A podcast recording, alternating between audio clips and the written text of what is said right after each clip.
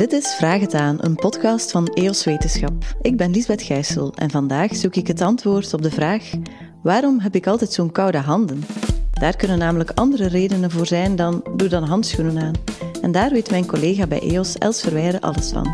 Ze verdiepte zich in het fenomeen van Raynaud. Dag Els. Dag Lisbeth. Ja, iedereen heeft natuurlijk wel eens koude handen en voeten, hè? maar dat blijkt dan soms een aandoening te zijn, het fenomeen van Raynaud. Hoe weet je of je dat hebt? Is eigenlijk heel eenvoudig. Dat is als je je lichaamsuiteinden, dus je handen, je voeten, je, je oren, je neus, als die verkleuren. Als je in contact komt met koude of buiten komt als het koud is, dan is de kans groot dat je het fenomeen van Raynaud hebt. En het fenomeen van Raynaud, dat is eigenlijk uh, een, een, een beschermingsmechanisme van het lichaam dat een beetje doorgeschoten is. Dus als je je hand in een bak met ijswater zou duwen, dan zou die wit verkleuren omdat de, de, de bloedvaatjes samentrekken om de rest van je lichaam tegen die kou te beschermen. Maar bij het fenomeen van Renault gebeurt dat veel te snel. Dus die, dat, dat, vermijdt eigenlijk dat de rest van het lichaam dan ook koud wordt? Ja, inderdaad, ja. Ja, ja, dat alleen het uiteinde dan koud worden en het hart en organen zo beschermd zijn. Beschermd worden, ja, dat is het, ja. En hoeveel mensen hebben dat fenomeen? Uh, dat is ongeveer 10% van de bevolking die het fenomeen van Renault heeft. En het zijn vooral vrouwen die het hebben. Ja. En je zegt verkleuren. Welke kleur krijgen die uiteinden dan? Uh, meestal uh, worden dus de uiteinden in eerste instantie wit of uh, blauw of paars. En wanneer dat dan de bloedvaten weer opengaan, als de aanval gestopt is, dan worden ze rood. En dan kunnen ze gaan jeuken of zelfs zwellen of, of, of pijnlijk zijn, wat soms wel een beetje angstaanjagend is voor sommige mensen. Is het eigenlijk belangrijk om te weten of je het fenomeen hebt? Of je het fenomeen hebt, is niet zo belangrijk om te weten, omdat het fenomeen, louter het fenomeen, is dus gewoon het verkleuren van je, van je eh, lichaamsuiteinden. Voor de rest kan dat geen kwaad. Maar die eh, symptomen, als die niet alleen optreden bij kou, dan kunnen zij wijzen op een onderliggende ziekte. En die kan wel gevaarlijk zijn. Er kan zelfs sprake zijn van een, een zeldzame ziekte, uh, en die kan zelfs dodelijk zijn. Ah ja, en die systeemsclerose, wat is dat voor een ziekte dan?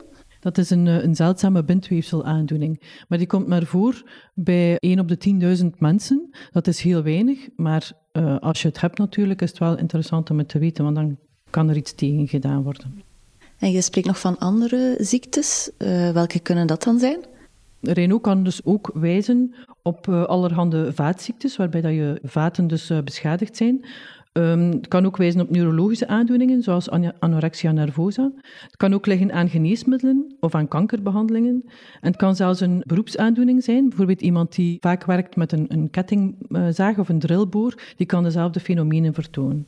Dus als je vingers of tenen verkleuren, dan zou het kunnen dat je een ziekte hebt. Ja, en dat uh, kan je eigenlijk zelf voor een stuk inschatten. Als je vingers alleen verkleuren als het koud is, dan is het meestal primaire reno. Uh, gebeurt het ook als het niet koud is, dan moet er een, een belletje gaan rinkelen en kan je beter eens langs gaan bij een huisarts of zo. Je hebt eigenlijk een persoonlijke reden hè, om je daarin te verdiept te hebben in het fenomeen van Renault? Uh, ja, mijn, uh, mijn dochter studeert geneeskunde en toen zij les had over het fenomeen van Renault, was ze ervan overtuigd dat ze het zelf had. Want als hij buiten komt, als het koud is, dan verkleuren haar tenen altijd. Die worden altijd wit. En als, het dan weer, als de aanval voorbij is, dan, dan inderdaad worden ze rood en beginnen ze te jeuken. Dus ze dacht echt van, ja, ik heb het. En uh, hoe lang heeft ze dat al? Dat heeft ze al een aantal jaren. Uh, en dat is ook typisch voor het fenomeen van Renault, want dat uh, begint meestal in de puberteit. Ah ja, dus het is niet vanaf de geboorte al dat je dat nee, hebt? Nee, nee, helemaal niet. Nee. Ja, ja. En nu had ze dus plots in de les iets gezien wat daar een verklaring voor bood. Ja, inderdaad. Ja. Uh, heeft zij haar uh, een, een, diagnose of zo laten vaststellen dan? In eerste instantie heeft ze dat niet gedaan, omdat ze ervan overtuigd was dat ze de uh, onschuldige versie had. Maar toen ik contact had met professor Vanessa Smit van het UZ Gent, die dus een experte is op het vlak van Renault, en zij mij voorstelde om te tonen hoe ze de, diagnose stelt, heb ik haar voorgesteld om mijn dochter mee te brengen om de diagnoses te laten stellen bij haar. Om te zien of ze inderdaad het fenomeen van Renault heeft of dat er misschien toch wel uh, uh, sprake is van een onderliggende ziekte. En hoe onderzoeken ze dat eigenlijk dan? Dat gebeurt met een uh, capillaroscopie. En een uh, capillaroscoop is een, een, microscoop waarbij dat ze kijken naar de bloedvaatjes in de nagelriem van de vingers. En liggen die mooi uh, naast elkaar en zijn er voldoende bloedvaatjes, dan is er geen uh, sprake van dus die zeldzame aandoening systeemsclerose, want die tast de bloedvaatjes aan. En, en wat was het bij haar dan? Uh, was het allemaal oké okay dan? Ja, ja, ja, bij haar was alles prima in orde, dus ze heeft echt gewoon louter het fenomeen van Renault.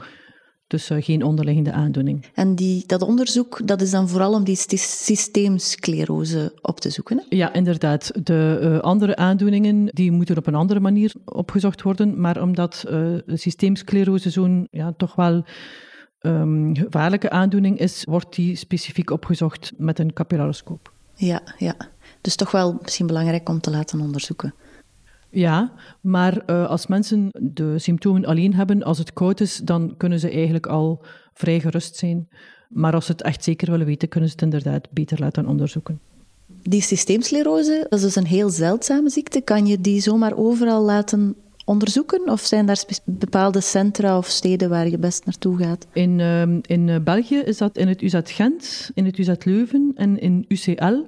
Dat zijn dus de Europese referentiecentra voor uh, systeemsclerose. Dat uh, fenomeen van Raynaud is dus vrij onschuldig als het niet, als het niet met andere ja, aandoeningen gepaard ja. gaat.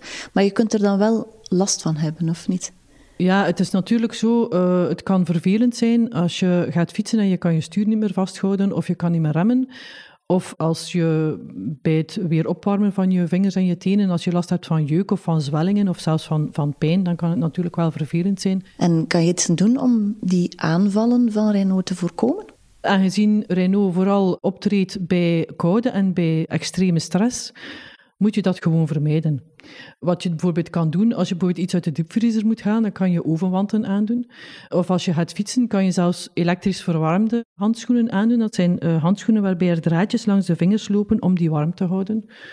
Maar voor de rest, ja, uh, gewoon muts en een sjaal aandoen van zodra het kouder wordt dan 17 graden, is voor mensen met het fenomeen van Renault wel aangewezen. Dus als je iemand ziet fietsen uh, en het is nog vrij warm met muts, handschoenen en uh, dikke sokken, dan heeft hij misschien wel het fenomeen van Renault. Ja, ja, ja want uh, wanneer sommige mensen nog buiten lopen in short en t-shirt, hebben zij al een sjaal en een muts aan. Er worden ook een aantal zaken gezegd in de, in de volksmond, zoals bijvoorbeeld koffie drinken. Je zou moeten koffie drinken vermijden, maar dat klopt helemaal niet volgens professor Smit. Zij heeft zelf Renault en zij zegt, uh, ik krijg geen aanvallen door koffie te drinken. Bovendien zegt ze, er zijn geen studies waaruit blijkt dat koffiedrinken zou helpen.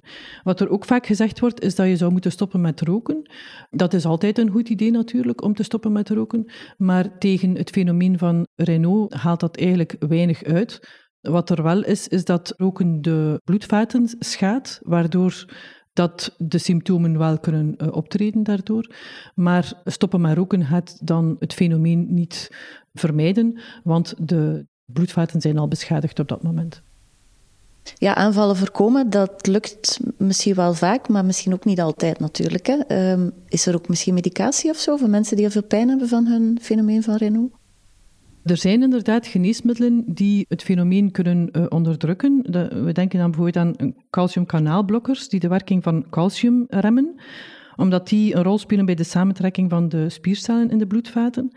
Maar de meeste van die middelen die veroorzaken wel bijwerkingen, zoals dikke enkels en hoofdpijn, dus die worden echt maar in uiterste gevallen voorgeschreven.